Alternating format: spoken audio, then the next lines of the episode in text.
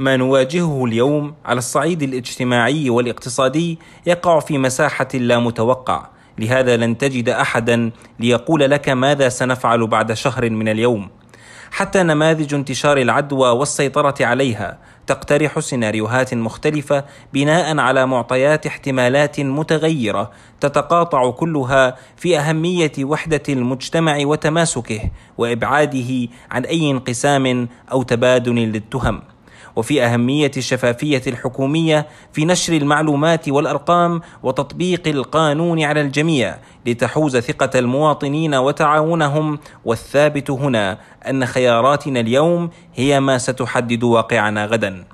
الخيار الأردني في التعامل مع الوباء كان أولوية الإنسان على الاقتصاد لكننا قريبا سنجد أنفسنا أمام خيارات صعبة لمواجهة تبعات الكورونا. تتطلب منا قرارات جريئة تحتاج دعما وتفهما شعبيا لها لتنجح. فالمديونية ستزداد وسنعيد تعريف الأولويات والعادات الاستهلاكية وأنماط الحياة والعمل وسيطالب الجميع بعدالة توزيع فاتورة الكورونا على الجميع.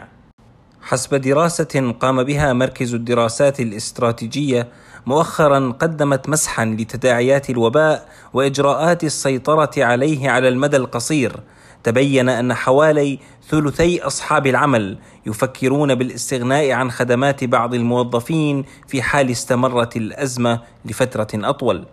التدخل الحكومي ضروري هنا لتسطيح منحنى الأزمة الاقتصادية فالأزمة موزعة على العرض والطلب بالتساوي ولا بد لنا من تخفيف العبء الضريبي على الجميع حتى نمكن التاجر من تحفيز الطلب بخفض الأسعار ونزيد من قدرة وقوة المواطن الشرائية. وكذلك يجب تقليل الأعباء التشغيلية على القطاعات المتضررة ولو مؤقتا بمساهمة الحكومة في دفع أو تخفيف تكاليف الطاقة والمياه واشتراكات الضمان الاجتماعي والتأمين الصحي للموظفين.